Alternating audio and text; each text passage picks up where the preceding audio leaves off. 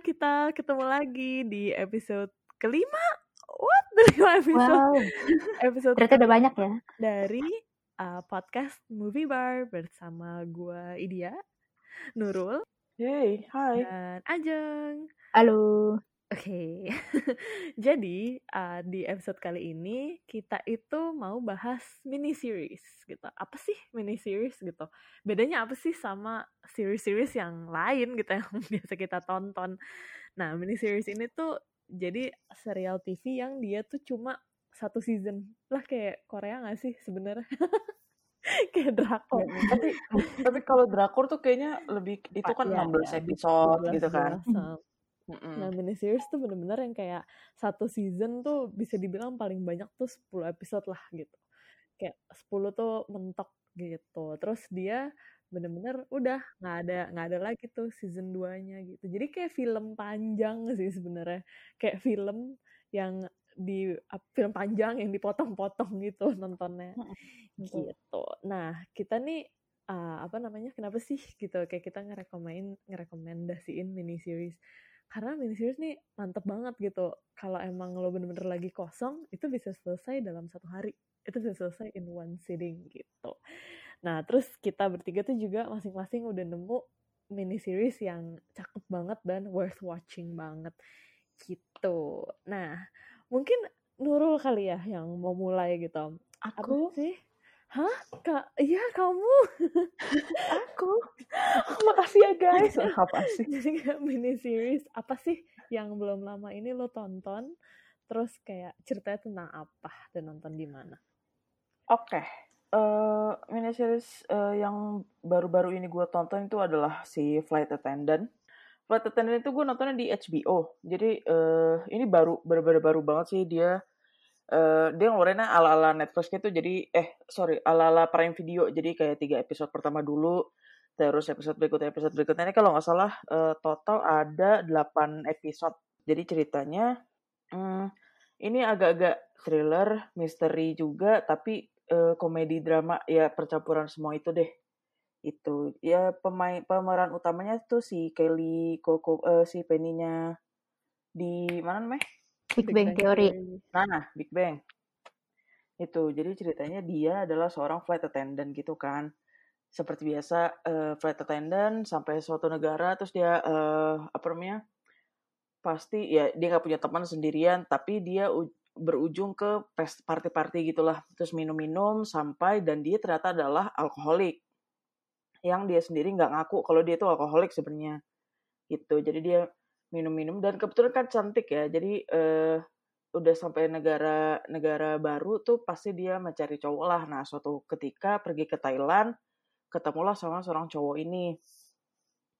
Cowok ini eh, di di bisnis class terus ya tajir gitu kan. Terus ternyata eh, pergi pergi party bareng terus eh, mereka ke hotel dan ternyata bangun pagi ternyata si cowok itu sudah bersimbah darah digorok gitu. Nah, terus ya udah akhirnya dia mencoba eh, kabur dari si kejadian itu, dia dia hapus semuanya eh, segala ada barang bukti barang buktinya, botol-botolan pecah itu yang ada darahnya itu dihapus semua. Eh, terus akhirnya dia eh, pokoknya balik lagi ke gue lupa balik lagi ke LA atau ke flight berikutnya gitu. Nah, itu dia kayak menghindari semua tuduhan polisi gitu-gitu. Cuman dia anaknya kepo. Terus gue tahu nih ini bukan gue yang bunuh. Terus ini siapa yang bunuh? Gitu loh. Terus nah itu adalah kesalahan dia sendiri dan kesalahan banyak eh, film-film horor dan thriller lainnya ya dikejar gitu pelakunya. Gitu. Jadi itu yang bikin eh, misterinya di situ. Tapi ini co- lebih cenderung ke eh, komedi drama sih menurut gue.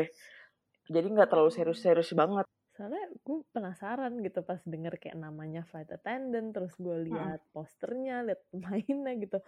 Mm-mm. Uh, gue kira drama komedi gitu kayak ya gue gue kaget ada pembunuhan. Jadi ini masuknya misteri Mm-mm. juga.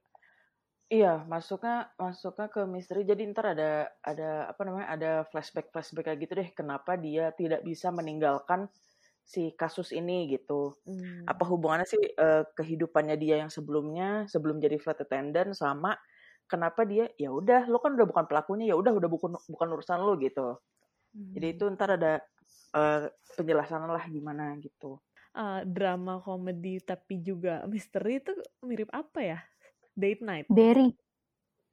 Berry, ada yang nonton Berry nggak? belum nonton gue tapi dia Lucu tuh di HBO banget. juga ya Iya. oke baik oke, oke. Ini akan gue tonton juga Jadi untuk yang Tapi itu tahu, bukan mini series sih, itu kayak si berseason gitu ada tiga deh kalau nggak salah. ah, Hmm. menarik. Tadi pas denger sinopsisnya gue pik kalau versi seriusnya itu kayak ini The Night Of tau nggak? Filmnya HBO juga, eh seriesnya HBO juga.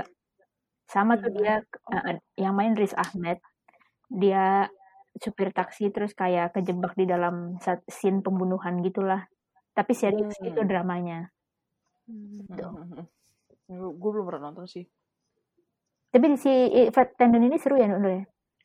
eh di gue dibikin penasaran sih jadi dia lumayan setiap ganti episode eh, ini lumayan agak-agak cliffhanger gitu kan jadi Hmm. kayak eh, oke nih ternyata setiap episode tadi menguak fakta baru gitu loh jadi kayak oh ternyata si korbannya adalah begini oh ternyata teman teman sejawatnya dia sesama flight attendant tuh adalah orang yang ini gitu loh. Jadi kayak lah anjir ah anjir gitu. Jadi Hmm. lumayan oke gue nonton episode berikutnya gue nonton episode berikutnya. Apalagi cuma enteng-enteng gitu jadi nggak terlalu serius-serius banget kan. Jadi si bodor-bodor gitu lah si flight attendant tapi sosok jadi ad- detektif gitu. Tadi lu bilang berapa episode? gitu. Delapan. 8 di HBO Max ya? Di HBO HBO Go HBO Go ada kok Oh, oke oke. Menarik, menarik. gitu menarik Yang Bo- main boleh ditonton sama untuk siapa? eh, Sabtu Lu Minggu bilang cowoknya ada George George Grey's Anatomy ya? iya George Grey's Anatomy itu jadi Oh. kakaknya si Penny ini Oh. Oh, Kurang banget sih nggak lihat Iya, dia iya. selain di Grey's. iya. bener-bener Tuh kalau ada yang nonton eh, Haunted of Hill House juga itu ada si kakaknya yang paling tua yang jadi penulis bukunya itu nah itu jadi si cowok yang mati ini Oh. Oh si ini yang main apa Game of Thrones. ya ya betul dia main Game of Oh. Thrones ya? jadi siapa? Iya, da- jadi da- dari Yona Harris. Mm-mm. kan Si- ganteng tuh Si ganteng iya. Iya, si ganteng itu. Oh, itu. Baiklah, langsung gue Mm. penasaran. Karena kayak semua karakter utamanya gue tahu gitu. Kayak, oke penasaran. Tapi emang iya lumayan lumayan itu milih apa milih artis tuh nggak sembarangan sih. kayak iya wah niat banget gitu kayak artis Iya, segala setting Hmm. itu juga dia niat banget sih tahu duitnya gede banget. Terus ada lagi Nggak selain flight attendant. Mm-mm. Selain flight attendant itu sebelum flight attendant gue juga sempat nonton. Nah kalau flight attendant kan eh, tadi gue bilang adalah dia nunggu tiga episode dulu, terus baru lima lima minggu seterusnya itu sampai habis kan. Nah Hmm. ini ada yang benar-benar gue sekali nonton langsung eh, dua hari sih habis waktu itu ya. Itu adalah ini pasti juga eh, udah lumayan sering diomongin adalah Queen's Gambit. Wih, gue ngefans banget sama Beth Harmon. Iya. Itu love banget eh eh dia tahu aja udah pernah nonton udah nonton dong. Udah udah. Udah wajib Nah. nonton sih itu. itu wajib sih itu itu cuma tujuh episode ada di Netflix Hmm. itu Se- eh, yang main itu kalau misalkan pernah nonton Harry Potter ya siapa yang nggak pernah ya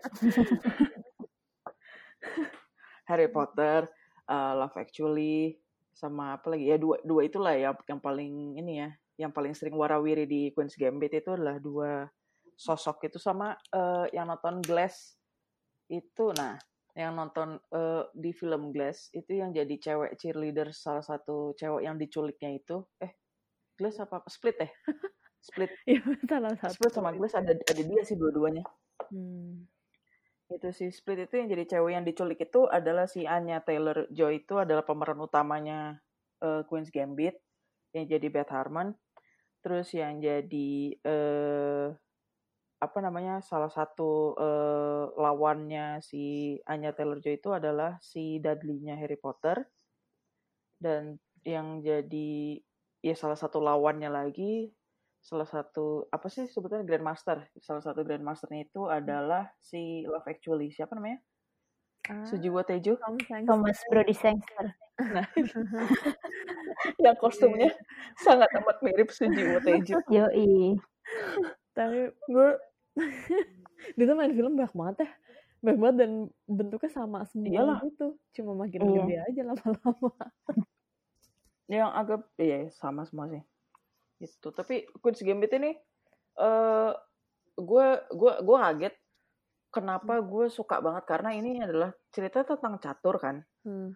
catur pertandingan catur si grandmaster yang adalah yang mana adalah gue nggak bisa main catur gue nggak ngerti catur sama sekali eh ini tapi gue nonton ini tuh gue jadi seru sendiri karena eh, jadi oke gue ceritain awal dulu ya si Beth Harmon ini adalah seorang eh, yat, yatim yatim piatu yang ditinggal di panti eh, kayak panti asuhan slash asrama sekolah gitu Terus akhirnya karena eh, karena zaman dulu itu eh, sekolah-sekolah asrama gitu kan dikasih obat entah obat tidur atau obat penenang lah ya. Akhirnya dia jadi kecanduan sama si obat itu. Jadi drug abuse dan ketika gede nanti itu jadi alcohol abuse juga. Nah, eh, itu dia akhirnya menemukan di antara kehidupannya yang sangat amat sengsara itu dia menemukan kebahagiaannya dari catur. Gitu. Dia main sama si uh, cleaning service uh, sekolahnya. Dia main uh, terus dia menemukan uh, ya udah kesenangan sendiri aja gitu main main main catur sama si cleaning service itu dan ternyata oh ternyata ini fun ya oke deh uh, orang-orang jadi mandang gue ya dia nggak ngeliat sih orang-orang dia jadi dia jadi kayak menemukan kebahagiaannya sendiri ketika menang catur eh, dari pokoknya naik step terus dari, dari cleaning service-nya diajarin yang benar terus uh, pindah lagi ke uh, cleaning service-nya ngenalin ke suatu uh, kampus ya kalau nggak salah. Suatu klub catur di kampus terus dia dibawa ke sana terus dia menang semuanya terus dia jadi kayak yes yes yes puas gitu. Terus ya udah dari dari menang-menang itu akhirnya dia berhasil uh, dia berhasil menuju ke jenjang yang lebih tinggi lagi dan dia mencoba ngelawan segala Uh, segala kecanduan obat-obatannya itu sama si alkoholnya itu dan di antara semua kesengsaraan hidupnya. Terus dia jadi uh, ya udah cari cari cara untuk uh, untuk jauh-jauh dari situ karena dia mau fokus ke catur. Itu kan sangat amat nggak nggak lazim ya uh, si topik-topik kayak gitu tuh tapi sang Netflix jago banget sih. Gue akui jago banget uh, merangkum si Queen's Gambit ini jadi orang tuh jadi seru gitu nontonnya. Ya nggak sih? Iya. Terus uh, sedikit fun fact biar tambah penasaran buat yang belum pernah nonton. The Queen's Gambit ini udah jadi mini series yang paling banyak ditonton di Netflix. Yeay, gitu. oh ya? view, oh, oh viewsnya oh ya? 62 juta. Gitu. Jadi Gile. dia dalam ngalahin waktu iya dalam waktu sekejap gitu kan naiknya baru itu iya Heeh, itu dia udah apa ngalahin ngalahin apa itu ngalahin semua mini series lain yang ada di Netflix gitu. Netflix kan main banyak tuh dikit-dikit ngeluarin series. Nah terus uh, gue menurut gue karena ceritanya bagus dan timingnya tepat sih. Iya timing timing. PSBB iya kan katanya penjualan catur langsung naik parah gitu loh abis The oh Queen's ya Gambit wow iya, seluruh dunia. Terus kayak gue gue tuh beneran langsung download app chess sih waktu itu. Habis nonton langsung download tapi terus kayak ya gue mainin beberapa kali terus udah gitu musiman tapi gue sempet baca aduh di mana ya? Ini gue gue cari lagi nggak nemu. Jadi katanya si directornya itu punya ide The Queen's Gambit ini tuh udah lama tapi selalu ditolak sama mana pun gitu kan. Soalnya dengan alasan ya siapa yang mau nonton tentang chess? gitu loh kan. Kayak chess tuh boring banget apalagi kalau lo nggak ngerti. Tapi kayak ya udah Netflix mau dan ternyata ngemasnya cakep banget sih gitu. Estetik Mm-mm. katanya di, di ud- udah di rewrite berapa kali juga tuh it. Mm, di write jadi selama apa berapa eh, ah, jadi selama 30 tahun yang dia ke PH ke PH mana pun Iya. itu dia kayak sambil rewrite sambil rewrite gitu. Gila sampai 30 gokil sih. eh, kalau kalau nggak salah itu tuh pernah pernah mau disutradarain sama siapa gitu sutradara terkenal juga kalau nggak salah apa aktor terkenal gitu gue lupa deh namanya siapa Hmm. itu tapi ya itu ya karena Chess itu boring ya. Iya. Dan kebanyakan yang nonton kan tua-tua gitu kan. Heeh. Ya kayak di dianggap nggak menjual. ya kayak yang di apa di, di Queen's Gambit juga kan yang di eh, apa episode terakhir tuh Mm-mm. Iya orang tua semua. yang banyak kakek-kakek. Heeh. Tua-tua dan mayoritas cowok-cowok kan. Iya.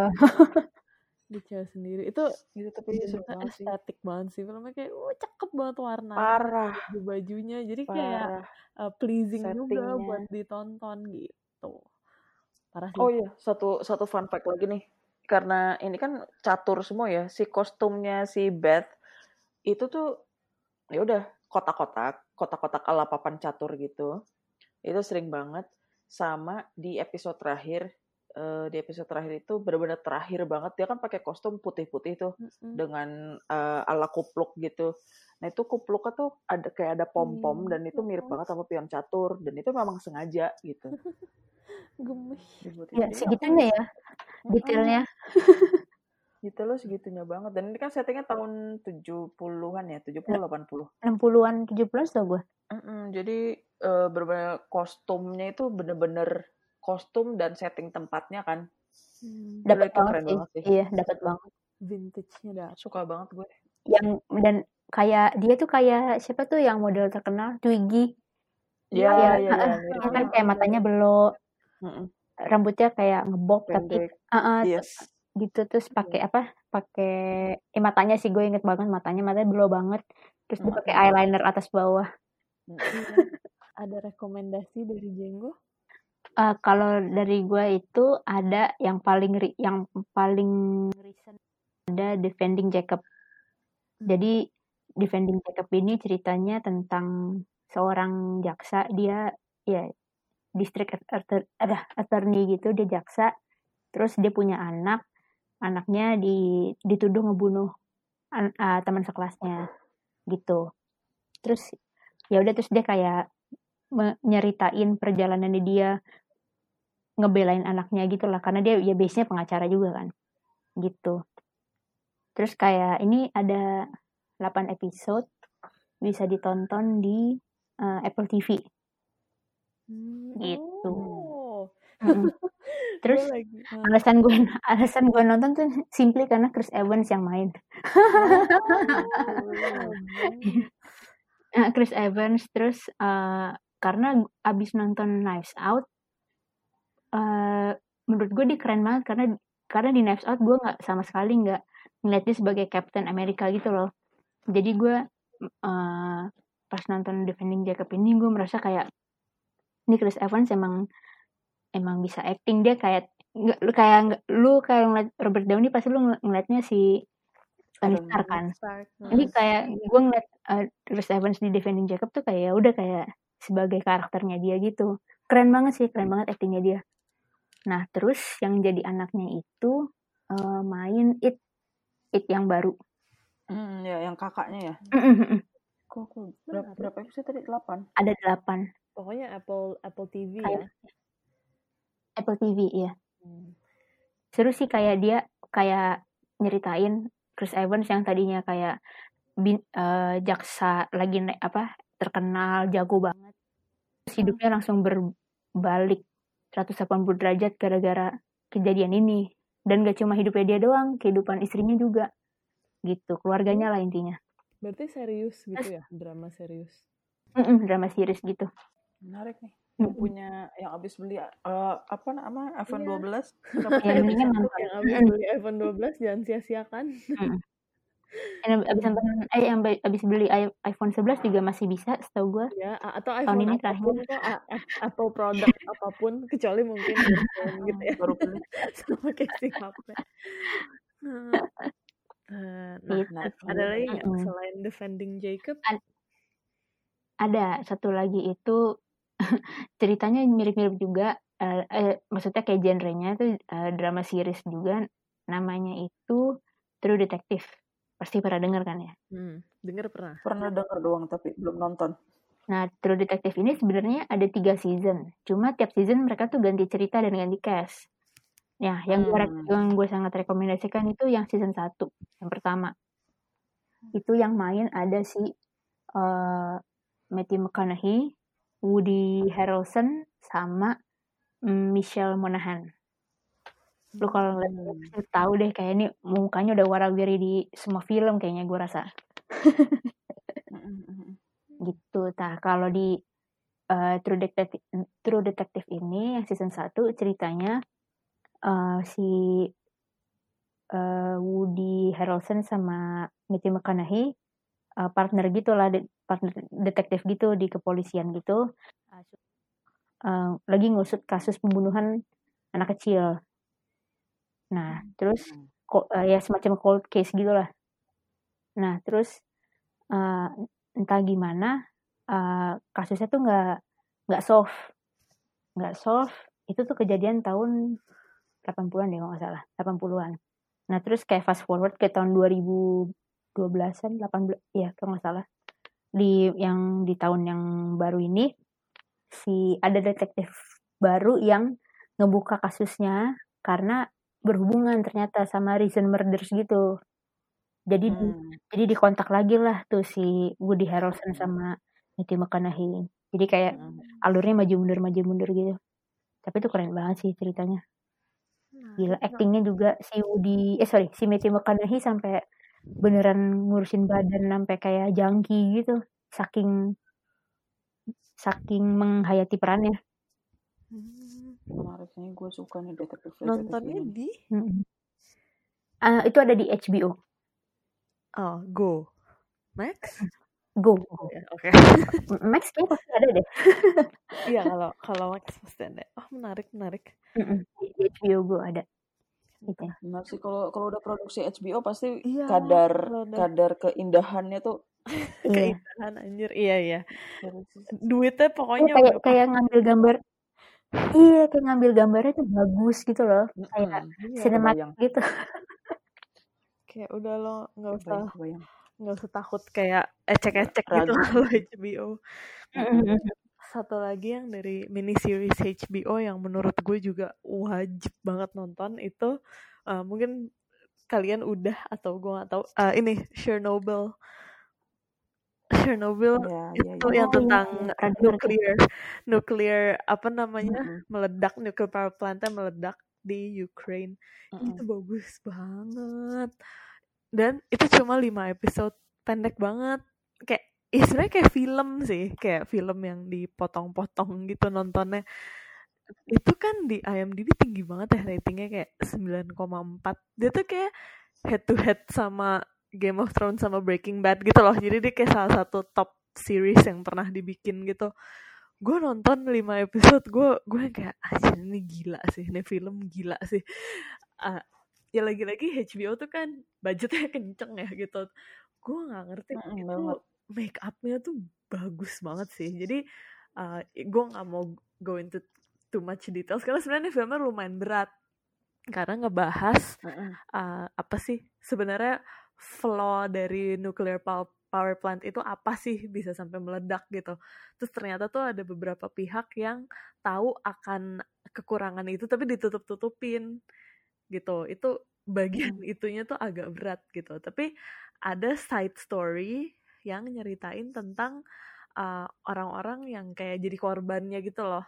Terus yang gue tuh inget banget yang kayak bikin gue ngelotok dan pengen nonton terus tuh tentang ini pemadam kebakarannya pemadam Mm-mm. kebakarannya itu padahal mereka tuh nggak ikut uh, terledakan gitu ngerti gak sih kayak maksudnya pemadam Iya. kebakaran itu kan datang pas ledakannya udah selesai kan Se- ya Jadi ledakan udah selesai baru mereka datang buat matiin sisa apinya dan nyelamatin orang-orang gitu.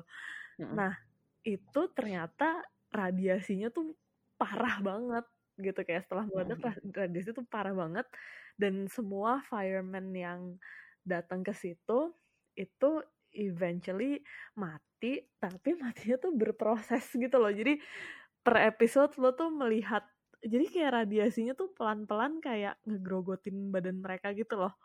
Dan itu by episode terakhir itu bener-bener udah kayak lo ngeliat orang nggak ada kulitnya gitu. Kayak Attack on the. Titan. Itu bener ih itu gue ngeliatnya gila sih gue gak ngerti tuh make upnya gimana. Ya itu masuk sih. terakhir tuh udah kayak gitu udah bener-bener kayak kulit tuh udah nggak ada tuh udah tinggal daging sama nanah gitu. Terus make up Hmm. muka, even mukanya kayak even mukanya gue seluruh badan gue sampai wah gila sih. Dan orang nggak ada yang boleh ketemu mereka tanpa hazmat suit gitu karena Oh, mereka oh, oh. juga masih, Masih memancarkan radiasi terus Mm-mm. ah, jadi salah Oh. satu ih gila banget ya jadi jadi mereka tuh diisolasi gitu nah Gokil terus uh, salah satu fireman-nya ini tuh punya uh, cewek cewek apa istri gitu pokoknya uh, lagi hamil dan si Istri. ceweknya ini tuh nekat kayak istrinya tuh nekat gitu loh kayak udah dibilang nggak boleh ketemu dia ketemu terus dia ketemu terus Mm-mm. terus bahkan kan mereka kayak dikasih sekat gitu kan biar orang nggak bisa masuk nah ceweknya nih masuk gitu ke sekatnya terus megang-megang Hmm. cowoknya kayak se- secuek itu gitu terus uh, in the end tapi ini gokil sih kan semua orang yang sebenarnya ketemu sama mereka kan akan terpapar terus ikut mati juga gitu tapi Hmm. yang ceweknya ini jadi pas dia ngelahirin bayinya tuh langsung meninggal kayak literally Oh langsung my. meninggal bayinya Oh tapi god. dianya sampai mati nggak kenapa-napa jadi kayak diserap semua gitu loh radiasinya sama bayinya Oh. wah Oh. gila sih wah, wah, wah. itu gue itu bener-bener kayak ngelotok sih cerita Hmm. itu gitu dan itu kisah nyata itu bukan Mm-mm. apa sih Itu namanya? dia yang serem. iya itu Iya. dia serem dan Kejadian. kejadian si Gue cewek ini apa lo inget yang mana gue tuh inget Heeh. eh, apa namanya ini kan satu tahun apa dua tahun lalu gitu kan ya 19 di channel apa? Heeh, berarti dua tahun lalu. hmm. Eh, terus eh, itu kalau nggak salah, kayaknya banyak influencer-influencer yang jadi ke sana ih ngeliatin itu. Tolol. masih Sorry. bahaya Iya. Kan masih ada radiasinya. Masih masih banget. Terus ya udah eh, ya ya standar sih kayak eh, The Crown kan season 4 terus orang-orang jadi revisit eh, ya interview-interviewnya Diana gitu-gitu kan. Nah, ini tuh sama. Jadi mereka visit ke sananya beneran. Gitu. Walaupun dengan hazmat suit eh, hazmat suit ya, tapi foto-fotonya dilepas dong. Ya kayak eh, sobat-sobat eh, kita corona gitulah. Lagi Oh my ketemu pakai masker tapi pas foto maskernya dicopot gitu kan. Hmm. Gitu-gitu terus Ya. udah eh, jadi tapi itu gue gue baru nonton jujurnya sih baru satu episode ya karena kan Hmm. itu terjadi peledakannya di malam hari. akhir episode 1 ya kalau nggak salah lupa Mm-mm. ya jadi di episode akhir satu tuh epi- di masih akhir masih garing nih belum karena belum meledak meledak Nah, masalahnya dari episode 1 kan udah malam tuh. Aku ngantuk. Iya, iya lo nggak suka film malam. Nah, tapi masalahnya tuh episode 1 aja udah lumayan merinding karena kan ya udah itu itu adalah kejadian beneran dan eh, pas meledaknya gue inget banget tuh ada adegan kayak orang orang-orang si Ukraina atau Rusia itulah berkumpul di satu jembatan Iya. ngeliatin abu-abu berjatuhan. Mm. Itu itu paling memorable banget di ingatan gue. Nah, Dan abu-abu itu hmm. adalah ledakan dari si nuclear plant itu kan. heeh. Jadi jadi itu tuh si abu-abu itu bawa radiasi yang gue ingat banget itu bahkan kameranya tuh ngezoom ke abu yang jatuh ke baju mereka, ke tangan mereka Hmm. gitu-gitu yang nanti gue yakin episode-episode berikutnya itu akan bawa impact sesuatu lah. Ya, itu lo lo inget kan betapa jauhnya jembatan itu dari power plant? Mm-mm, Itu kan mm-mm. Ya orang cuma jauh. kebagian abu doang. Iya, kayak jauh banget dan uh, Mm-mm, semua orang ke jembatan itu buat ngeliat kan karena mm-mm, jembatannya tinggi mm-mm, dan jauh gitu. Itu di ya di episode terakhir dikasih tahu ya itu semua yang ada di jembatan itu meninggal. Ya kan? Iya, heeh, Sudah kuduga. bridge of death atau apa gitu. Anjir. Tuh kayak sejauh itu. Serem banget. Terus ih, serem banget. Terus bahkan tuh kayak Parah. di apa uh, di kota itu tuh bener-bener yang nggak lama eventually semua orang tuh langsung kanker atau apa terus pokoknya kenaikan beberapa tahun ke depan itu di seluruh negara-negara neighboring countries gitu tingkat kanker tuh naik kayak naik Anjir, gratis gitu. Anjir, iya. beda negara, men. iya beda negara. Kayak ya, karena di kebawa-bawa angin gitu kan. Terus Heeh, parah Anjir. sih. Jadi kan even sampai sekarang yang si influencer-influencer datang itu kan masih masih ada gitu radiasinya kan. Heeh, ya gimana waktu kejadian? Jadi Gila. itu kayak Big Bang gitu. Jadi bener-bener gede banget dan terus terus terus melebar gitu loh radiasinya tuh. Terus terus, terus makin jauh makin jauh Ini, ini mungkin yang buat oh, mau belajar sejarah juga ya. Ini karena ini beneran dari dari kisah nyata beneran dan bener eh, kayaknya ada ya biasa kalau misalkan itu kan ada tulisan-tulisan gitu kan pada tanggal berapa Heeh. kejadiannya gimana gitu itu kan. Dan itu sesungguhnya udah udah berasa serem sih di episode pertama aja udah serem banget. Iya, gue jujur gue suruh nonton lagi gue gak mau sih kayak gue nonton pertama gue wow banget. Tapi gue gak mau nonton lagi tuh kayak traumatizing banget sih. Itu kayak Takut. Heeh, terus gue kayaknya gue gak mau lagi sih ngelihat si orang-orang si fireman firemannya itu tuh itu serem banget sih. Karena gue nggak pernah lihat make up yang segitunya gitu. Kan kalau zombie kan ya dia udah jelas orang mati gitu Iya. ceritanya Mm-mm. kan. Warnanya udah hitam udah abu-abu. Kalau ini kan orang hidup kayak gitu deh. Kayak orang kena luka bakar gitu. Wah gila ngeri Iya banget sih. Gitu tapi tapi itu menurut gue must watch sih gitu meskipun gue mau nonton lagi tapi Bener-bener.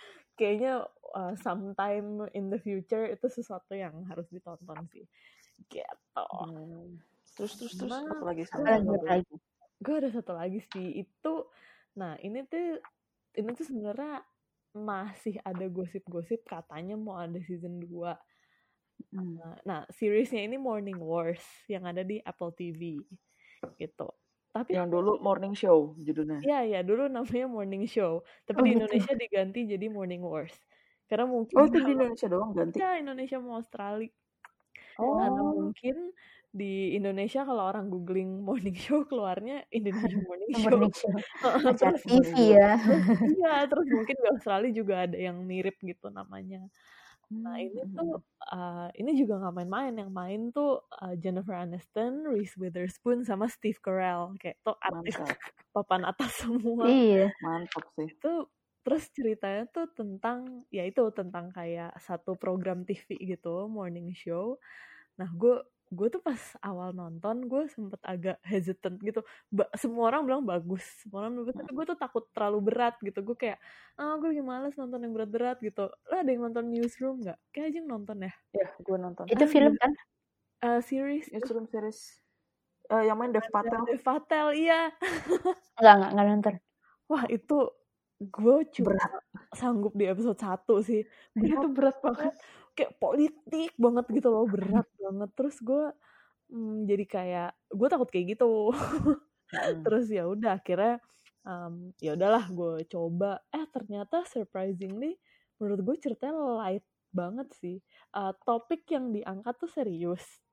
Tapi Hmm. mereka ngemasnya tuh enteng banget dan menurut gue lo nontonnya tuh nggak mikir itu jadi ceritanya tentang uh, si presenter dari program morning news ini ternyata ada yang ngaduin sexual assault gitu Hmm. ada yang Hmm. ngaduin sexual assault terus uh, ya udah dia di take down digantiin lah sama uh, presenter baru si Reese Witherspoon nah tapi Reese Witherspoon ini kan aslinya tuh sebenarnya jurnalis lapangan gitu. Hmm. terus orangnya tuh kayak kepo banget yang aku jurnalis banget gitu. Kayak idealis dan ada di sini buat menguak kebenaran gitu. Jadi terus dia tuh jadi kayak nyari-nyari tahu lebih lanjut cerita di balik apa namanya sexual assault di kantor itu gitu. Yang ternyata tuh nggak as simple as that gitu loh ternyata kayak banyak Mm-mm. yang apa namanya banyak di balik itu tuh banyak deh cerita-cerita lain yang apa namanya mau dia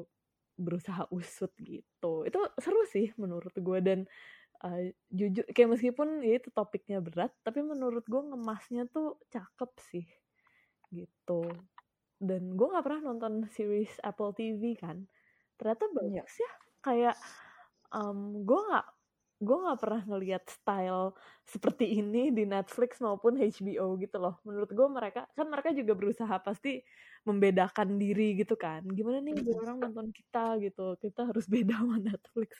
Nah uh, cara bikin bedanya tuh keren aja sih gitu. Suka sih. Gue gue udah nonton ini satu apa dua, kayaknya satu setengah episode deh. Itu eh ya yang yang main aja kan keren banget ya. Eh siapa namanya? Rachel. Jennifer Iya, Aniston. itu. Mm, Jennifer Aniston. Jennifer Aniston, Reese Witherspoon itu itu eh aktingnya eh, Jennifer Aniston keren banget sih. Dia kan juga termasuk eh apa namanya midlife crisis gitu kan. Heeh. di Di ini. dia Mm-mm. dia dia lumayan insecure gitulah sama eh, posisi dia sebagai eh, presenter itu. Jadi dengan hadirnya si Reese Witherspoon juga dia takut merasa tersaingi sama yang muda gitu. Mm-mm. Oh. itu juga dibahas itu ditambah dengan ya adalah eh, masalah-masalah keluarga. Oh ini fokusnya sebenarnya ke si Jennifer Aniston apa ke mana sih? Fokusnya ke sebenarnya nggak ada karakter utama sih menurut gue menurut gue ya. Oh, kayak berarti ke Hmm. acaranya itu? "Ah, ah, ke acaranya itu gitu. Nah Hmm. eh iya tapi jadi ini background sedikit background story. Jadi presenternya itu kan dua Jennifer Aniston sama Steve Carell. Nah mereka nih berdua tuh udah 15 tahun. Hmm. gitu. Jadi kayak emang udah America's sweetheart banget deh gitu. Nah nah karena udah 15 tahun itu makanya si Jen tuh agak-agak insecure gitu. Kayak aduh janjian bentar lagi gue dilengserin nih gitu saya dia juga udah denger gosip-gosipnya gitu dia lagi dicari Mm. penggantinya gitu-gitu jadi ada konflik gitu-gitunya juga gitu tapi Hmm. nggak tahu bagus aja sih menurut gue kayak make upnya bagus actingnya Iya. bagus pesan moralnya bagus ceritanya Oh, pesan moral. pesan moral iya kayak wow gitu tapi ben- beneran gitu jadi kayak em, ya itu tadi buat kalian-kalian yang baru beli iPhone 12, iPhone Tetap 7 atau apa, manfaatkanlah free trial setahun um, apa setahun dari Apple TV atau kalian bisa kayak gue yang ternyata dapat free trial setahun karena gue pakai laptop kantor. gue gue gak punya produk Apple baru gitu terus tiba-tiba gue dikirimin gue kayak oh dapet. Gitu jadi em, lumayan lumayan. Kalian itu apa ya free trial Apple tuh menurut gue oke karena dia langsung ngasih setahun terus kayaknya banyak yang bisa dieksplor gitu. Jadi uh, gue recap malam ini dari kita ada 6 film ya ada 6 mini series yang itu cocok banget buat em, PSBB yang baru diberlakukan lagi tanggal 11 ini karena kan Wah, sekalian pesan layanan masyarakat nih. kan kan ya ya maksudnya uh, apa selama selama covid ini kan kita uh, weekend di rumah terus kalau misalnya nonton film ya dua jam selesai gitu. Jadi um, ya ya coba tonton yang agak panjang tuh lumayan tuh kayak tahu-tahu ah ada sore gitu. Kita oke jadi ulang dari Nurul tadi Nurul tuh yang pertama The Flight Attendant Yes. Flight Attendant ini mystery, hmm, tapi juga komedi drama bisa ditonton di HBO Max. Terus, ku. bener. oh HBO Go juga ada. HBO Go. Terus uh, ada The Queen's Gambit juga di Netflix yang ini uh, worth watching banget karena dia tuh the most watched movie, eh, the watch the most watched miniseries in Netflix right now. Terus kalau dari Ajeng tadi ada Defending Jacob yang starring Chris Evans di Apple TV sama True Detective yang juga ada di HBO Go. Terus dari gua ada Chernobyl, HBO Go juga sama Morning Wars Apple TV. Jadi tiga platform ya kita ya kali ini. Mm-mm. Emang miniseries yang ngeluarin platform-platform ini sih kebanyakan. Mm-mm. Tuh, jadi semoga rekomendasi-rekomendasi film ini bisa menemani weekend kalian atau hari kerja kalian kalau mau colongan nontonnya Sebelum tidur gitu ya. ya sebelum tidur atau pagi gitu. Uh, Pagi. jadi kayak semoga lumayan bisa mengisi uh, PSBB dan bikin kalian juga betah di rumah karena kita masih di tengah-tengah pandemi guys jangan-jangan dulu pesan masyarakat lagi gitu oke okay. baiklah Yay. kita eh, tutup di sini dan sampai ketemu di episode berikutnya Yeay. Dadah. Dadah.